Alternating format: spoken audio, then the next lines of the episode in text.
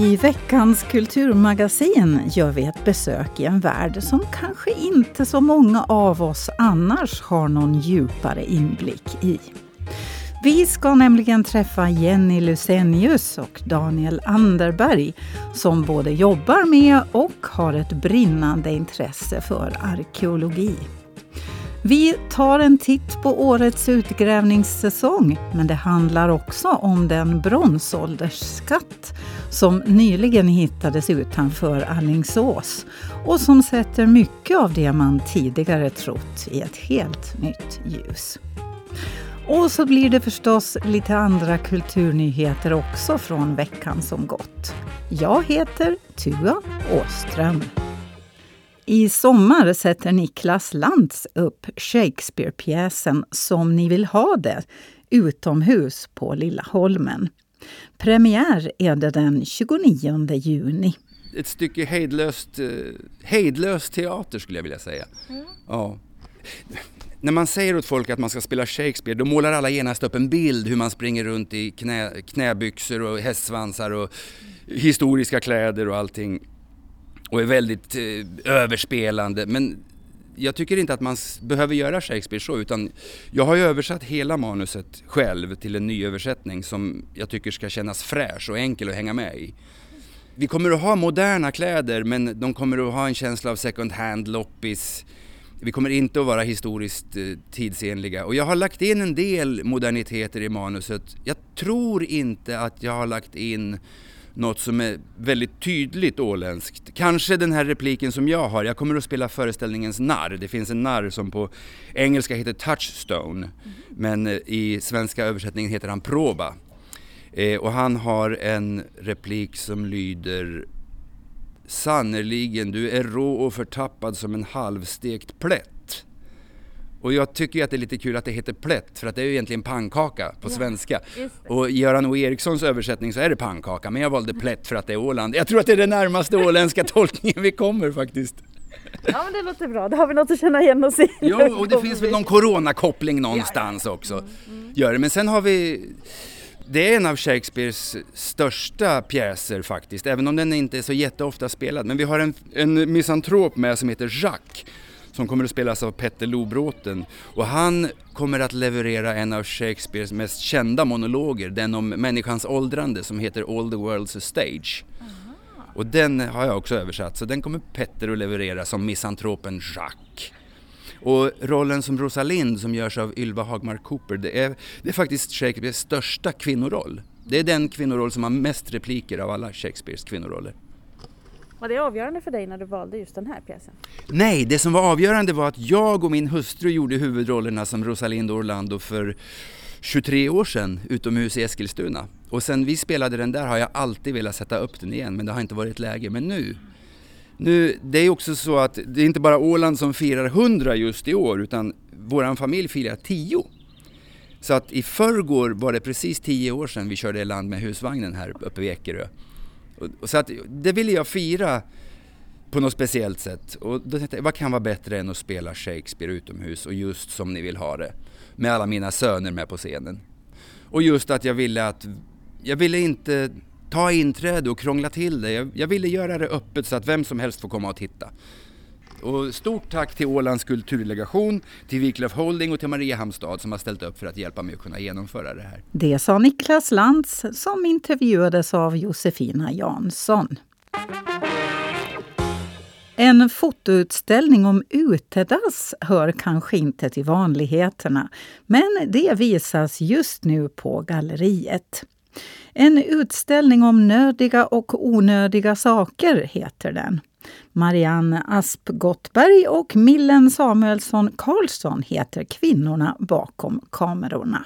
Vi fotar ju ganska mycket, jag och Millen. Och sen, min man har väl varit med, inte med oss kanske, men jag har fotat lite med honom också. Och han tyckte väl kanske, ja kanske jordkällare eller utedass kunde vara något roligt att fota. Men sen att det skulle bli så här nu, en utställning och med prylar till och allting sånt där, det var inte, det har bara kommit vartefter. Det finns ju så många olika sorters dass. De är två våning och de är en våning och de är sjudubbla och de är enkla. Och de, det finns helt massa olika. Men, men alltså hur uh, får man, jag tänker, utedass står ju oftast inne på en gård så här. Får ni liksom tips eller har ni farit runt och smugit i buskarna? Ja, men han har kanske fått syn på något som ser väldigt trevligt ut. Och sen, vi har ju frågat förstås om vi får fota och lite sånt där när det har varit nära hus och så vidare. Så att, eh, och en del är gamla och trasiga och fula men de är fina ändå. Och en del är väldigt sådär uppiffade med alla möjliga saker inuti och så. Så det ja, lite olika. Men vi tittar vidare här. Vi har ju ett väldigt eh, snajsigt får jag säga utedass här som har eh, Ja, hur skulle du beskriva det här röda som vi står framför? Hörde du, det där är ett dass som finns på Finbo och det är ett dubbeldass. Och om jag inte minns helt fel så är det liksom två hål på varje sida. Nu har jag frågat han som, som, eh, som liksom jag har frågat om att jag fick ta den här bilden men eh, han visste inte närifrån det var men det har- fanns ju något hemman där på 1800-talet så jag skulle kunna tänka mig att det där dasset är därifrån då. Men det är bara en gissning. Och talar vi då Fimbo som ligger utanför Äcker? Ja, Okej. Ja. Men det ser, det ser i alla fall välhållet ja ut. Så det det är där, jättefint. Ja. Verkligen. inga- vattenklosetter på, på Fimbo kan vi säga. Nej, det tror jag inte. Och sen har vi det här med tuppen då. Det var ju ett helt annan stil på det. Om man tittar ganska lågt och, och nä, nästan lika brett som det är högt om man tänker. Och en jättestor tupp. Men den är, den är målad på dörren va? Ja, det är den och det är, finns på Enebo Café i Geta. Och eh, det är från 79 det där dasset, så det är ganska nytt då. då. En Ja. rysk stil och med en sån här kupol här uppe också. Oj, oj, oj. Det här är ett som är riktigt gammalt. Det vet du mer om än Ja, det där Ja. har inte använts i år tänker jag. Nej, det där är nog inte använt i år och säkert inte på många år. Och jag är inte säker på att man heller ska gå in där. Man får sätta sig försiktigt. Ja, absolut. Och det var Peter Grönholm som hade tagit sig en titt på dassutställningen på galleriet på Torggatan. Och från en fysisk till en helt digital utställning nu. För andra gången hålls Medis vårsalong nämligen i digital form. Bildläraren Linn Simons. Alla kan se den var som helst i världen, men man kan ju inte, det är en helt annan sak att ställa sig framför en bild, titta noggrant på ytan, på strukturen och, och så vidare. Det, det, det finns ju inte med, men, men ehm, det är bra så här. Mm. Detsamma gäller ju förstås också eh, vävda alster och sånt, att du, du, du ser inte strukturerna på samma sätt på bilderna. Nej, förstås och vävningen som går nära, speciellt de som håller på just med vävning eller bildkonst eller träslöjd eller vad det nu är, att gå och titta på detaljer, på ytor och kanske känna och sånt här, så det faller ju bort, vilket är ju också en, en viktig del. Fast man ska ju inte ta i konstverk, men i alla fall gå riktigt nära och titta liksom hur det är uppbyggt, som, som man gör när man håller på med, med tavlor. Men nu så har man ju plats för väldigt mycket mer, för uppe i den här stora rymden så, så finns det plats för, för väldigt, väldigt mycket. Men ett visst urval antar jag att du ändå har ägnat dig åt.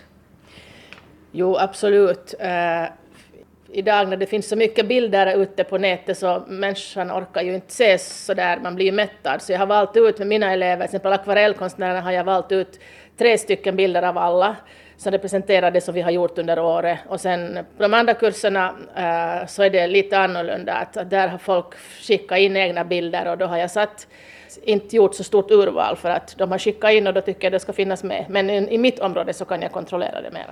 Hur hittar man vårsalongen? Alltså det, adressen är www.medisvarsalong.ax. Då kommer man fram till en huvudsida med tre olika bilder. Den första bilden representerar eh, textil, mitten är akvarell och den till höger så representerar keramiken. Sen kan du klicka på galleri till exempel. På telefonen så är det tre streck uppe i vänstra hörnet. Och, och under galleri så kan man se här, här är fyra, fem, sex, sju, åtta, nio, elva olika områden. Akrylolja, akvarellmålning, mixed media, bla bla, keramik, glasarbeten, musikspråk, språkstudier och så vidare. Så klickar man på dem, till exempel på akvarellmålning.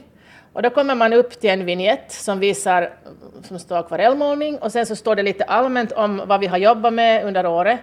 Och sen så äh, finns på de flesta områden finns eleverna ordnade i alfabetisk ordning och så klickar du på elevens namn och så, kommer du, så kan du, kommer du fram och ser just den elevens bilder. Och det här är lite nytt för i år. Jag tyckte att det här var tydligare och bättre. Det sa Medis bildlärare Linn Simons som intervjuades av Anki Karlsson. Och nu ska vi grotta ner oss rejält i den tidiga åländska historien ett tag. För vi ska träffa två personer som både jobbar med och brinner för arkeologi.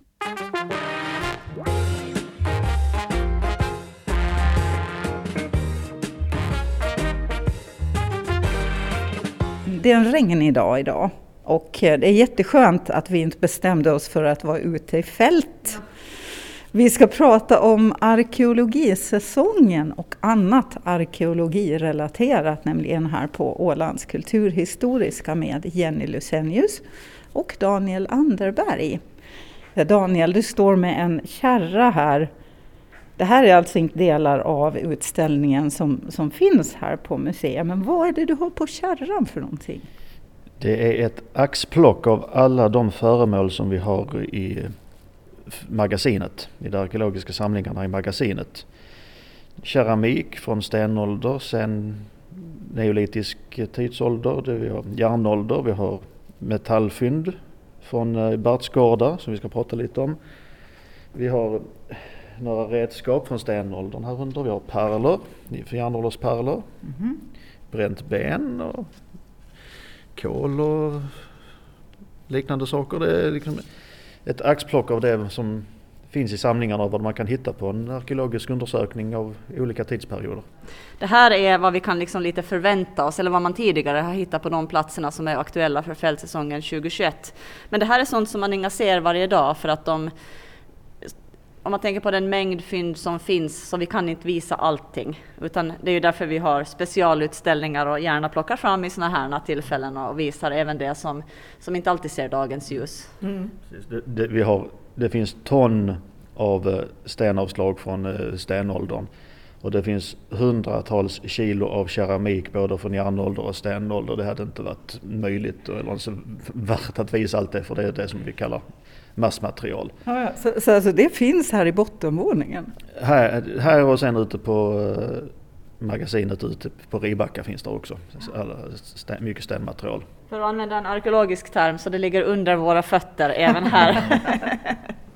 Men vi har i basutställningen faktiskt också försökt att visa de här stenavslagen och, och andra typer av massmaterial som, som Daniel här var inne på för att mm. försöka förklara att det är från små, små, det är inte bara de här fina sakerna som berättar någonting utan ofta är det det här det här eh, Skrote? ja, sopor faktiskt. Alltså avfall som till exempel uppstår när man, när man gör en kruka eller slår till en yxa som, som, som faktiskt är informativt och berättar för oss någonting om, om hur man levde och hur man gjorde och hur man, ja, Mm. om den perioden mm. vi undersöker. Eh, om jag får fråga, vad, vad är det, det, det, är liksom en rund grej som ser ut som en hemvetekaka ungefär med någon mm. liten del av.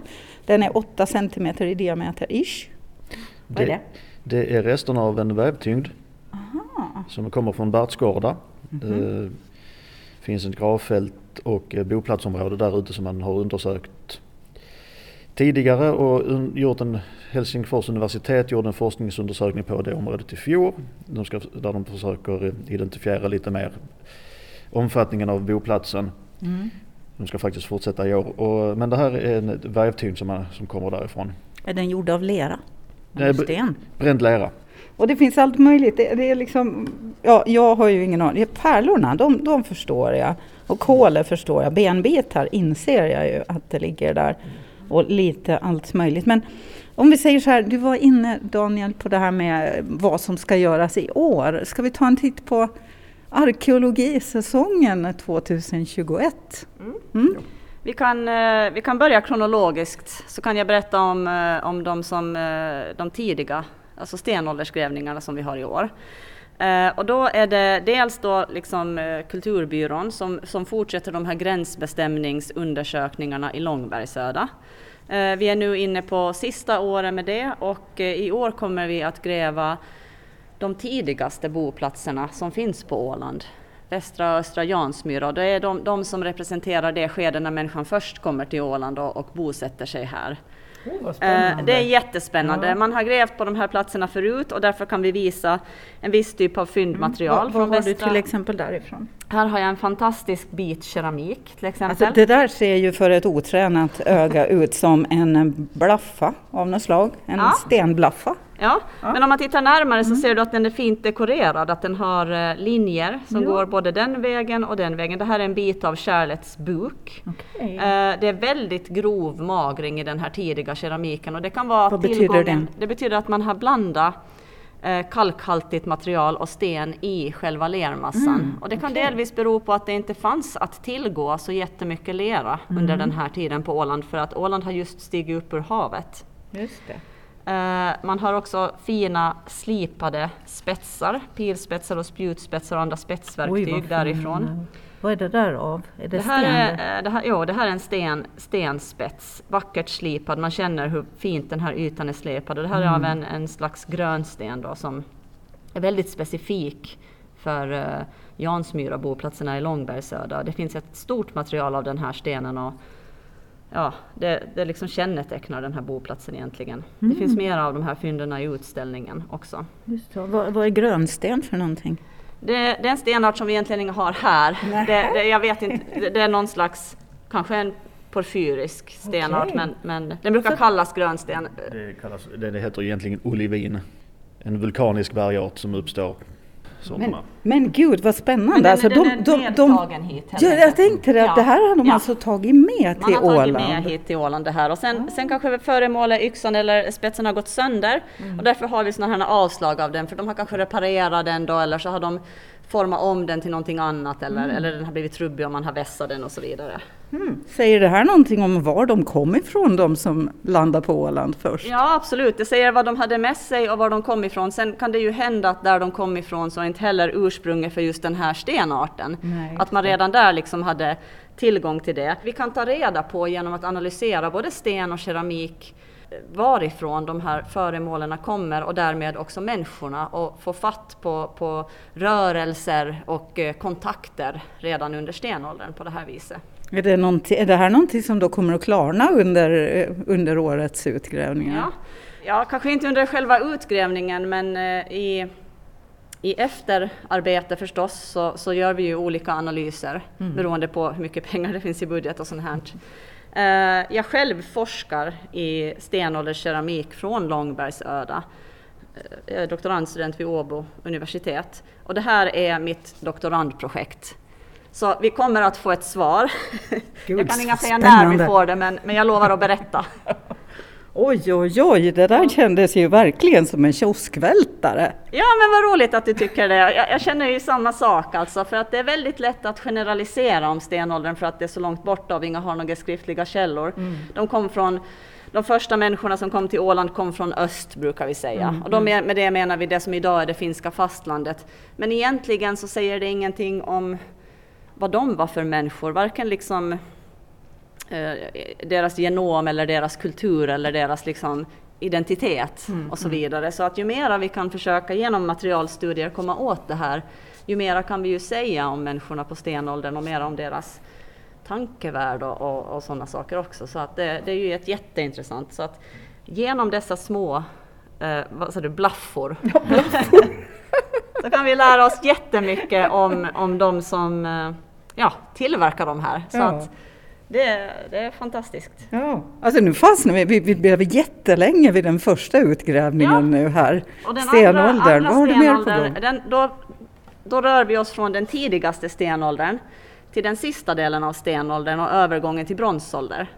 Och då är det faktiskt ett externt projekt. Vi har två externa projekt i år som mm. båda utgår från Helsingfors universitet. Det är dels den här Bartsgårda som Daniel har berört redan och kan berätta mer om.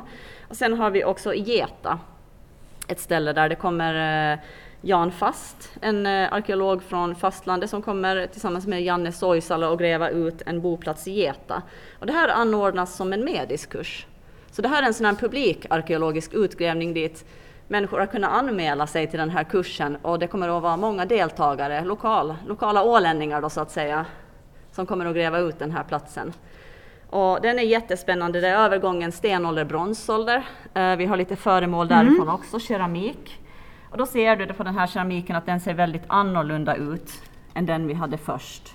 Ja, Om den här ja, tidiga var sån här lite- grov och väldigt ja, mycket den här- stenblandad så är mm. den här mycket finare. Sant, och den har lite distinktare mönster också. Den har ett väldigt distinkt, Mm, just den här skärvan är jätteintressant för att det vi förväntar oss att hitta här är kanske en sen neolitisk kiokais-keramik och en bronsålderskeramik, kanske lik den på Otterböte.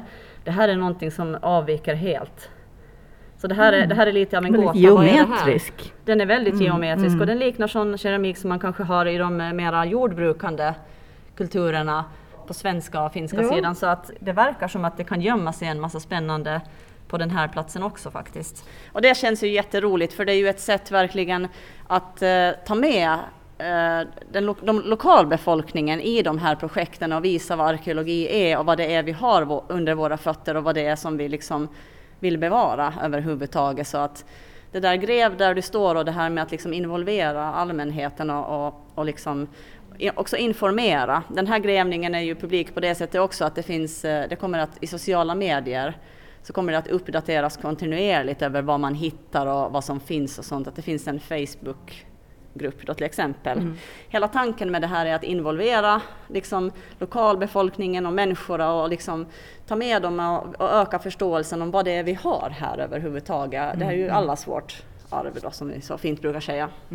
Okej, eh, då går vi vidare. Nästa projekt. Vi har tagit det här första stenålders... Stenåldern, Yes, slutet av sena... stenåldern och Ja. övergången till bronsålder. Mm. Sen är det väl egentligen eh, Bartsgårda som kanske Daniel Ja. har och Bomarsund eller? Ja, ja. eh, Bertsgårda kommer eh, ett projekt eh, som drivs av Helsingfors universitet.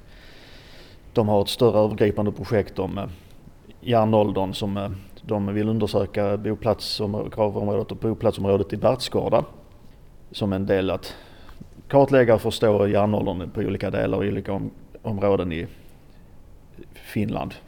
I samband med det så skriver de ju rapporter och avrapporterar det till oss. Att, eh, vad de har kommit fram till är liksom en ren forskningsundersökning och det görs som en del av eh, fältarkeologi-delen av deras eh, kurser där ute helt Mm. enkelt.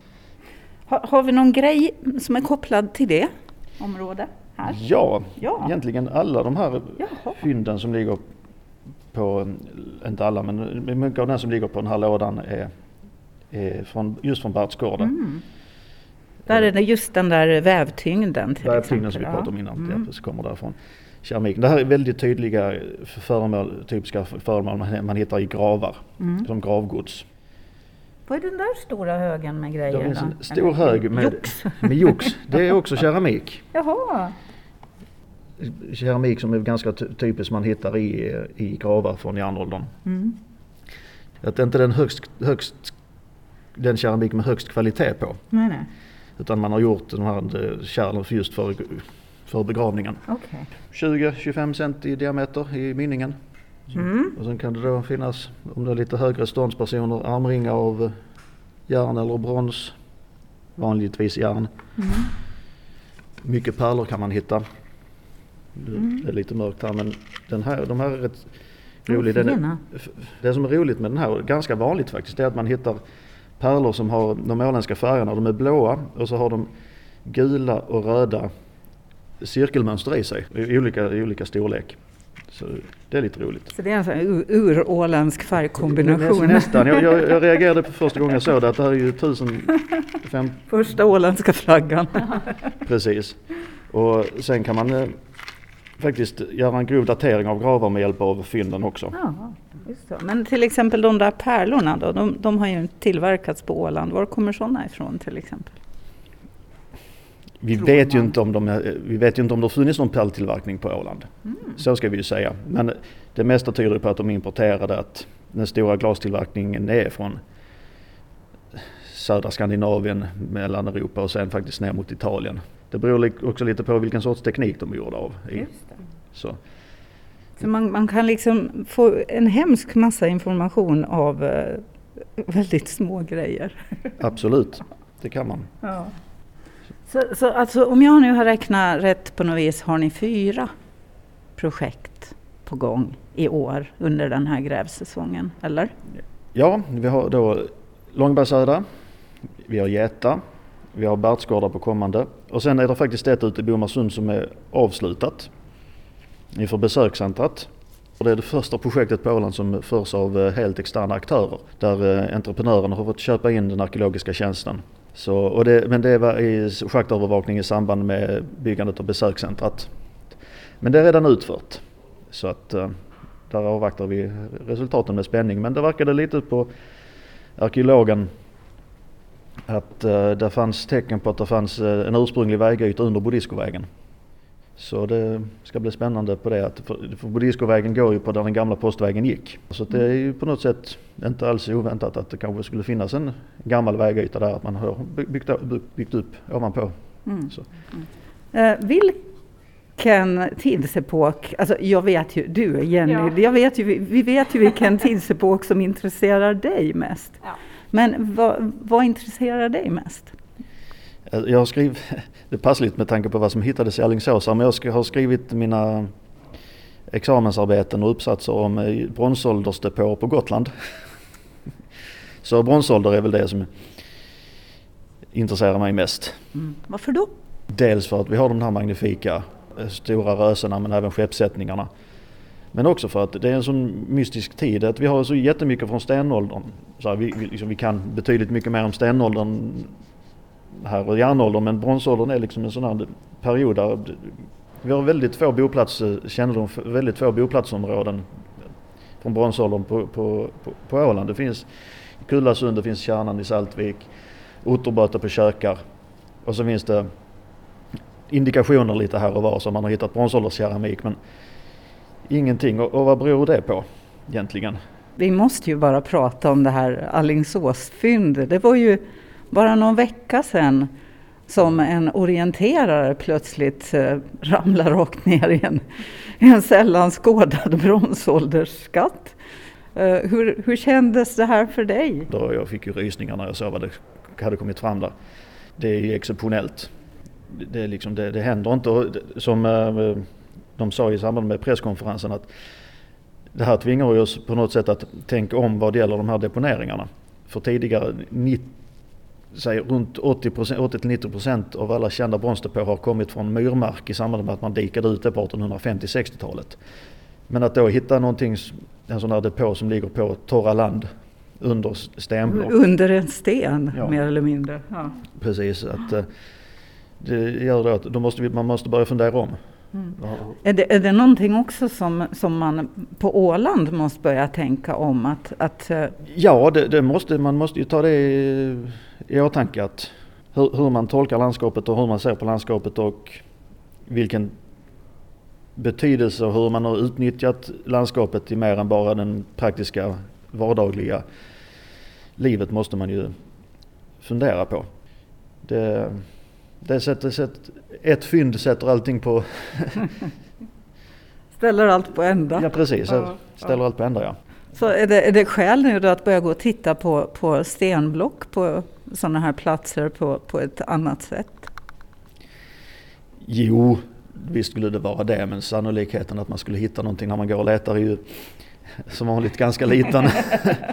det, är ju som, det är just det här det var ju slumpen som gjorde att det här upptäcktes, mm. upptäcktes när, som gjorde orienteringskartor. Såg någonting som var utkastat vid ett stenblock. Han hade sinnesnärvaro och kontaktade museet och Länsstyrelsen. Och, liksom det, var ju ren, det var ju en ren slump. Det kanske finns mycket sånt här på Åland som man inte hittar. Därför utmanar vi också alla som gör, går med metalldetektering att hittar man någonting kontakta oss.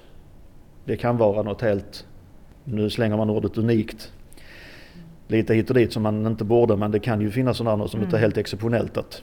Spännande tider inom arkeologin hur som helst. Jo, absolut. Ja, ja. Är alla möjliga boplatser redan på kartan? Är, är, vet vi allt? Eh, absolut inte.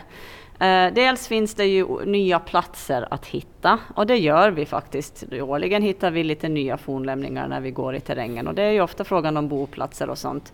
Så nej, det är absolut så, alltså vi har mycket kvar att hitta vi, vi, tittar ju på forntiden med andra ögon och annat kunskapsunderlag så vi kanske tittar på andra ställen. Vi, som jag sa tidigare så vi har mycket från bronsålder, bosättningar som vi skulle gärna vilja förstå bättre och hitta.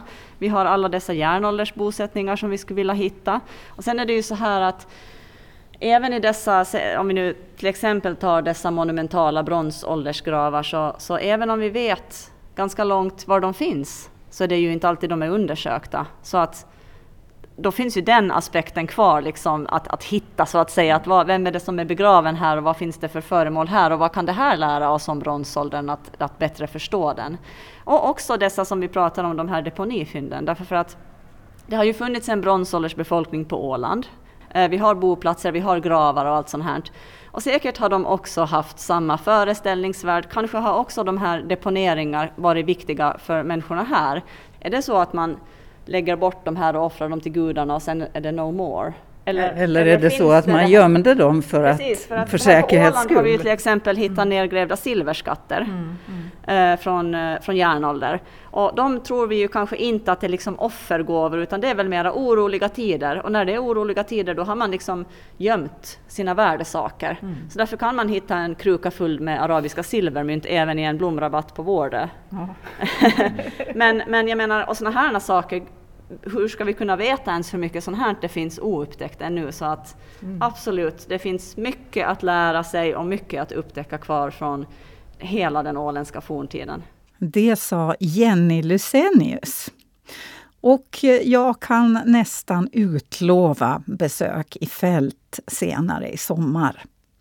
Kulturmagasinet är slut för idag. Ha nu ett riktigt trevligt veckoslut.